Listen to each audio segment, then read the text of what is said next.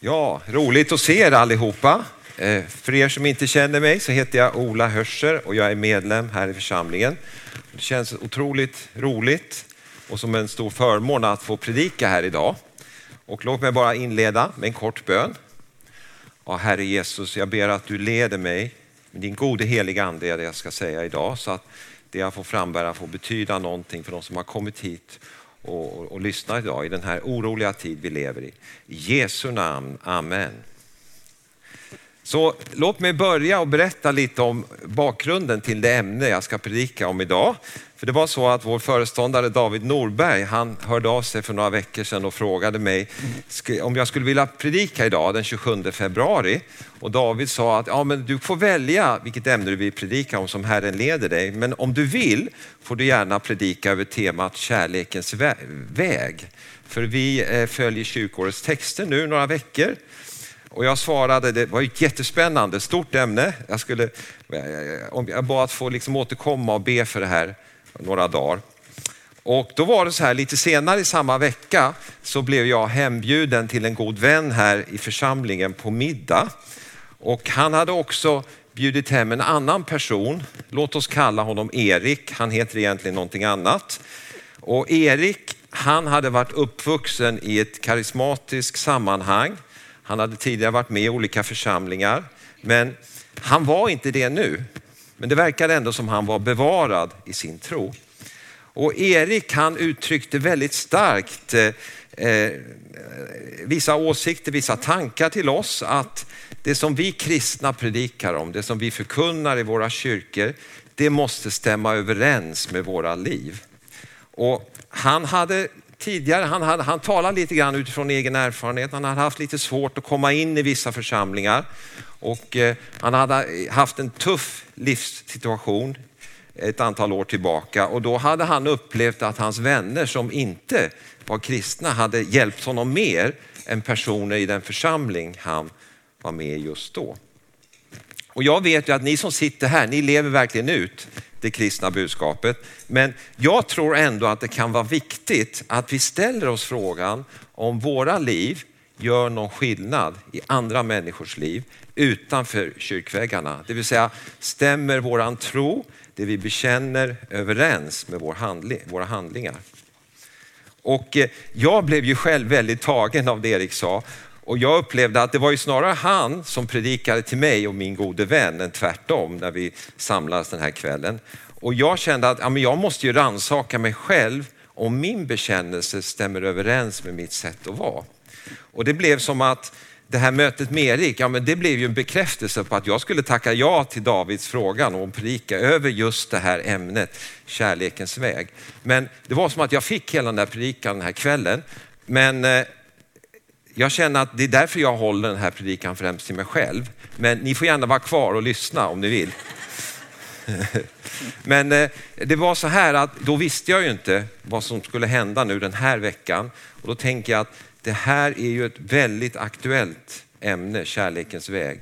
Det som har hänt, krig på vår kontinent, hundratusentals, kanske miljontals flyktingar i Europa. Men vad har då Bibeln att säga om kärlek? Ja, faktum är att kärlek är ju centralt. Det är ett centralt ämne genom hela Bibeln. Och när Jesus får frågan av en laglärd, vilket som är det största budet i lagen, så svarar Jesus så här i Matteus evangeliet 22 kapitel, verserna 35 till 40. En av dem, en laglärd, ville pröva honom och frågade, Mästare, vilket är det största budet i lagen?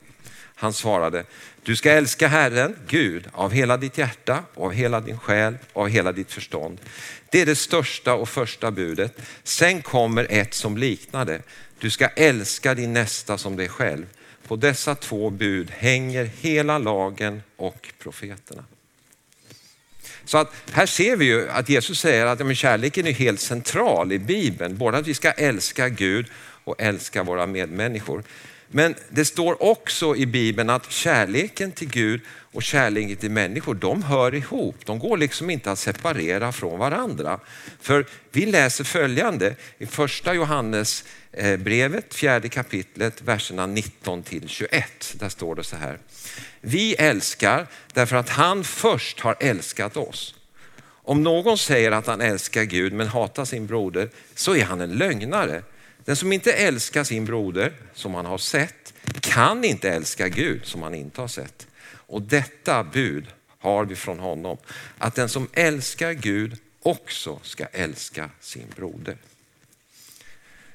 Men vad är då det här mer konkret? Vad är egentligen kärlek? Ja, enligt Bibeln så är ju inte kärlek i första hand en teori. Kärlek är inte i första hand en känsla. Det är inte i första hand något sensuellt, inte ens i första hand något romantiskt, utan som Bibeln, det här är också kärlek i andra sammanhang, men det som Bibeln främst beskriver, det är att kärlek har händer och fötter. Den visar sig på något sätt i konkret handling. Och Det här står väldigt tydligt i Jakobs brev i Nya Testamentet där vi läser följande i andra kapitlet, verserna 15 till 18. Om en broder eller syster saknar kläder och mat för dagen och någon av er säger till dem, gå i, fri, gå i frid, klä dig varmt och, och eh, ät er mätta, men inte ger dem vad kroppen behöver. Vad hjälper det? Så är också tron i sig själv död när den är utan gärningar. Kanske någon säger, du har tro, ja, men jag har också gärningar. Visa mig din tro utan gärningar så ska jag visa dig min tro genom mina gärningar. Och här är ju Jakob väldigt tydlig på att liksom, tron ska få eh, liksom, konsekvenser i vårt liv genom gärningar. Men samtidigt är ju Bibeln lika tydlig på att vi kan ju aldrig bli frälsta genom våra gärningar. Hur mycket vi än försöker med goda gärningar så kommer vi aldrig att leva upp till en helig Guds standard. Och så här skriver aposteln Paulus i Efesierbrevets andra kapitel, verserna 8 till 9. Av nåden är ni frälsta genom tron, inte av er själva. Guds gåva är det, inte på grund av gärningar, för att ingen ska kunna berömma sig. Och de här verserna de sammanfattar hela Bibeln, att frälsningen är något vi tar emot av nåd som en gåva. När vi bekänner våra synder för Jesus och överlåter våra liv till honom. Men är det då så att Paulus text om att vi blir frälsta genom nåd, är det så att den motsäger Jakobs, det Jakob skriver om i sitt brev, att Gud har tänkt sig att vårt kristna liv ska få konsekvenser? Nej, de här två texterna de motsäger inte alls varandra. För även om frälsningen är som en gåva, given av nåd som Paulus skriver, så skriver han i, i versen efter de två vi just läste. Om vi går vidare nu till eh, eh, Efesierbrevets andra kapitel, vers 10, så är Paulus också inne på att eh, vår tro, som vi blir frälsta genom nåd, den ska ändå få konsekvenser i vårt liv. Och så här står det i vers 10 i Efesierbrevet kapitel 2. Hans verk är vi, skapade i Kristus till goda gärningar som Gud har förberett för oss för att vi ska vandra i dem. Så att Jakob och Paulus de är egentligen inne på samma spår. Att, eh, eh, att tron som vi tar emot av nåden ska få konsekvenser i vårt liv. Även om gärningarna i sig aldrig kan frälsa oss. Så Gud har alltså tänkt sig att vår omvändelse till Jesus som vi tar emot av nåd, den ska få konsekvenser i vårt liv. Och det här antyder ju att drivkraften till kärleken, drivkraften till att göra gott mot andra, den kommer ju ytterst från Gud. Och så här står det i första Johannesbrevets fjärde kapitel, vers 7 och verserna 9 till 10. Mina älskade, låt oss älska varandra, för kärleken kommer från Gud. Så uppenbarades Guds kärlek till oss. Han sände sin enfödde son till världen för att vi skulle leva genom honom. Och detta är kärleken, inte att vi har älskat Gud utan att han har älskat oss och sänt sin son till försoning för våra synder. Och visserligen var det så att det här samtalet den där kvällen, då, då, då hävdade Erik att ja, men det borde vara naturligt för varje människa att göra gott mot sina medmänniskor när man ser behov, utan att man hänvisar till Gud. Man behöver inte blanda in Gud. Eh, det borde man göra rent instinktivt. Och jag förstod precis hur han menade. Men, men då svarar jag att ja, men vi har alla fått ett samvete, alla människor. Och det samvetet det kommer från Gud. Det har han lagt ner i alla människors hjärta. Så när vi följer vårt samvete och gör något gott utan att vi kanske vet att det är Gud eh, som har lagt ner den här viljan, ja då kommer det ytterst sett från Gud. Och jag menar att det är just därför som många som inte är kristna också gör mycket gott och hjälper andra. Men samtidigt så tror jag att det är väldigt svårt att fortsätta göra gott i egen kraft utan att få påfyllning någonstans ifrån. För när vi umgås med Jesus och fördjupar vår relation till honom, då blir det som ett flöde av glädje som fyller på och vi får kraft att, att liksom, eh, få ge vidare av det vi får av Jesus så att det strömmar ut från vårt hjärta ut till våra händer och fötter. Och så här säger Jesus själv i Johannes evangeliets sjunde kapitel, vers 38. Den som tror på mig, som skriften säger, ur hans innersta ska strömmar av levande vatten flyta fram. Så när vi tar emot Jesus då flyttar den heliga ande in i vårt hjärta och det blir som en ny kraftkälla i vårt liv som hjälper oss att följa Jesus och därmed också hjälpa andra. Men hur ser då kärlekens väg ut? För vi har ju redan pratat om att kärlek, det är inte framförallt en känsla. Det är inte i första hand något sensuellt eller romantiskt, även om det också eh, kan vara kärlek i olika sammanhang. Utan kärleken har händer och fötter i Bibeln. Den visar sig genom praktisk handling gentemot våra medmänniskor. Och vi har också pratat om att ja, men drivkraften till kärlek den kommer ytterst från Gud. Men ändå är det så att vägen, kärlekens väg, den kan vara väldigt smärtsam. Den kan involvera att vi måste sätta en del av vår egen agenda åt sidan. Och det här pratar Jesus om i Johannes evangeliets 12 kapitel, verserna 24 till 26. Då står det så här. Jag säger er sanningen, om vetekornet inte faller i jorden och dör förblir det ett ensamt korn. Men om det dör så bär det rikt frukt. Den som älskar sitt liv förlorar det, men den som sätter sitt liv sist i den här världen ska bevara det till evigt liv. Om någon vill tjäna mig så ska han följa mig och där jag är ska också min tjänare vara. Om någon tjänar mig ska Fadern ära honom.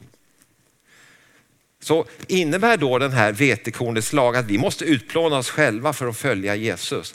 Nej, det innebär inte det. För Gud älskar att vi njuter av livet och allt det goda som han har skapat. Och han har skapat oss var och en. Han älskar oss, han vill att vi ska ta hand om oss själva. Men det Jesus talar om i den här berättelsen, tror jag, om vetekornets lag, det handlar om om vi ska ta vi ska liksom sätta den själviska sidan av oss själva åt sidan. Den som gör att jag vill sätta mig själv i centrum som ytterst är en konsekvens av syndafallet. Och när vi sätter lite av vår egen agenda åt sidan, ja då föder det nytt liv. Precis som vetekornet måste falla i jorden och dö för att ge nytt liv. Och paradoxalt nog så är det så att genom att leva för Gud och i kärlek till andra människor, det är faktiskt då vi finner oss själva och kan komma in i den kallelse och livsuppgift som Gud har gett oss.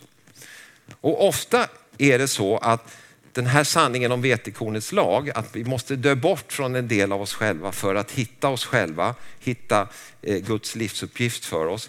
Den blir extra tydlig när vi ser tillbaka på livet och vad som har hänt. Då får vi lite mer helikopterperspektiv över livet.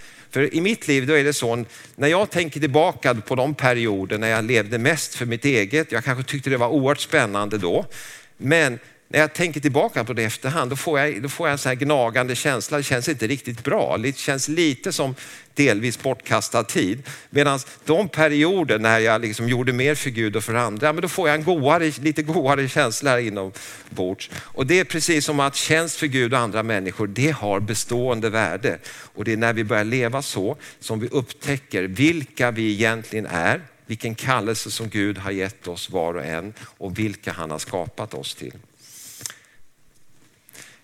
Men hur går det då rent praktiskt till att vandra på kärlekens väg? Och, och, och eh, ja, vi vet ju idag, den sista veckan, det finns ju sådana enorma behov i världen och ingen kan ju hjälpa alla. Men alla kan hjälpa någon. Och då tänkte jag bara ge två små tips som jag tänker mig att vi kan använda oss av för att följa kärlekens väg. Det, enda är, det ena är lite mer långsiktigt, det andra är mer lite för stunden.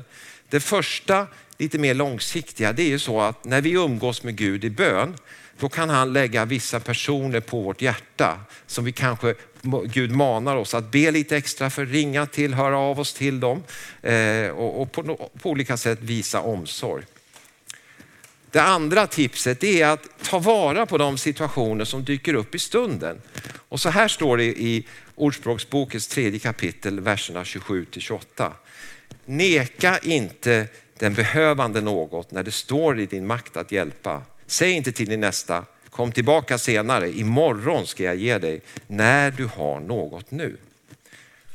Och Det här betyder ju inte att vi alltid måste gripa in i, i, när någonting händer. Det kanske inte funkar rent praktiskt ibland, men Gud kan ändå visa oss att eh, när vi kan göra en insats för stunden.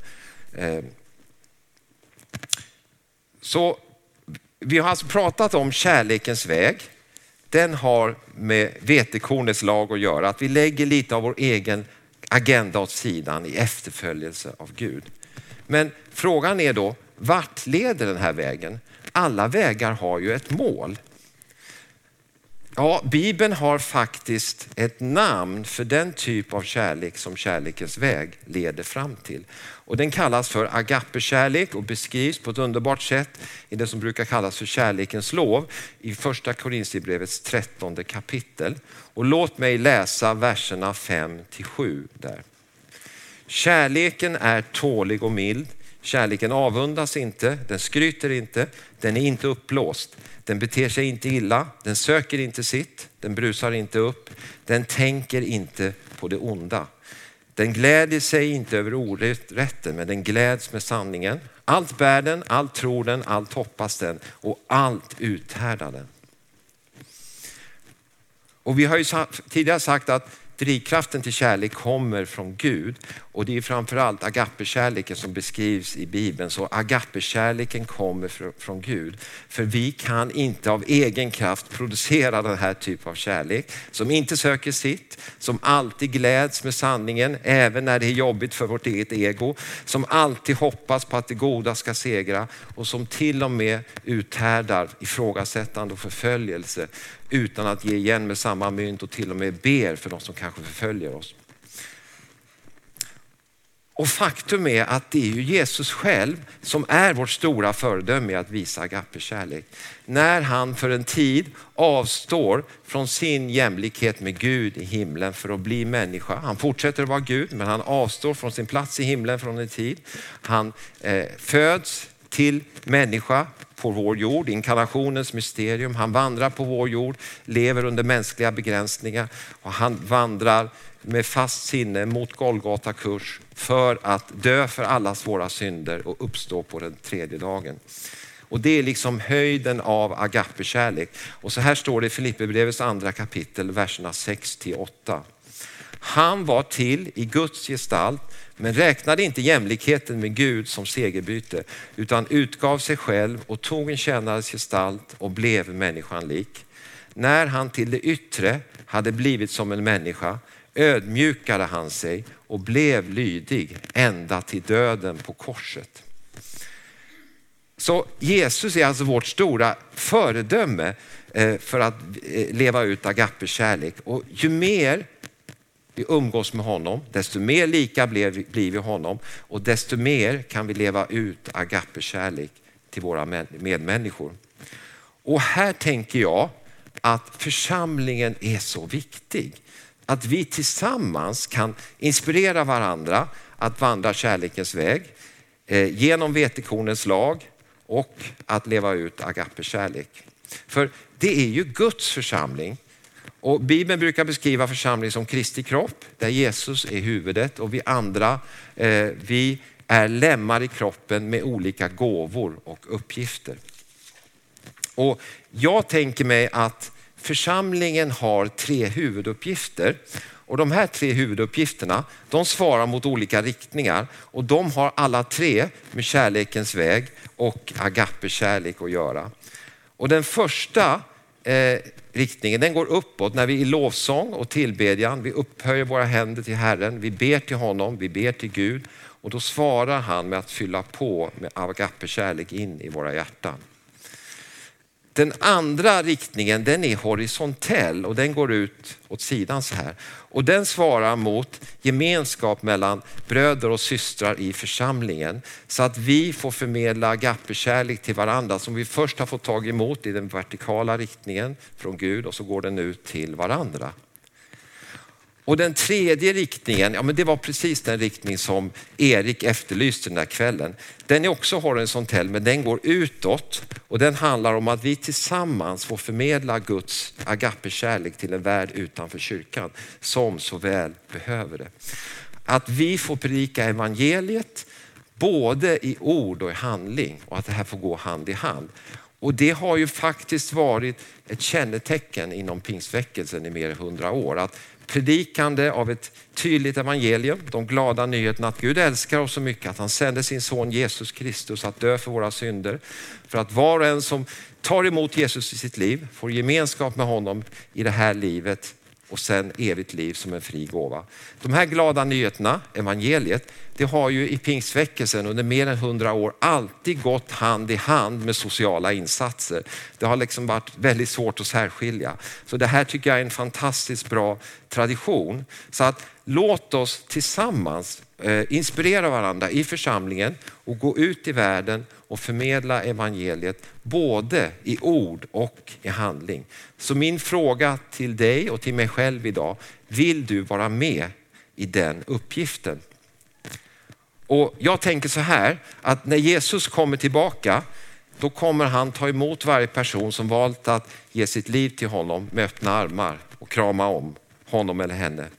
Men tänk om han även då säger till, till oss, välkommen hem du god och trogne tjänare.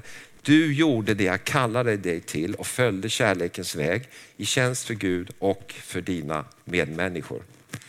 Så låt oss be tillsammans. Ni får gärna stå, stå upp. Ja, ja, Herre Jesus, tack för att du har visat ett exempel att, att, att vandra i kärlekens väg, att, att, eh, att eh, visa kärlek till våra medmänniskor. Där att predikan och handling går hand i hand Jesus. Och Herre, hjälp oss att som bröder och systrar i församlingen hjälpas åt tillsammans att uppfylla eh, den här liksom, uppgiften som du har gett oss. Och, och Herre, du ser nu, det är oroligt i världen just nu. Det många kan vara oroliga. Men vi hörde tidigare idag i låsångerna och det som har nämnts tidigare under gudstjänsten att ja, men du har allt under kontroll. Vi har ett levande hopp som räcker in i evigheten. Herre, tack för att vi kan lita på dina löften, att det är en fast klippa. I Jesu namn. Amen.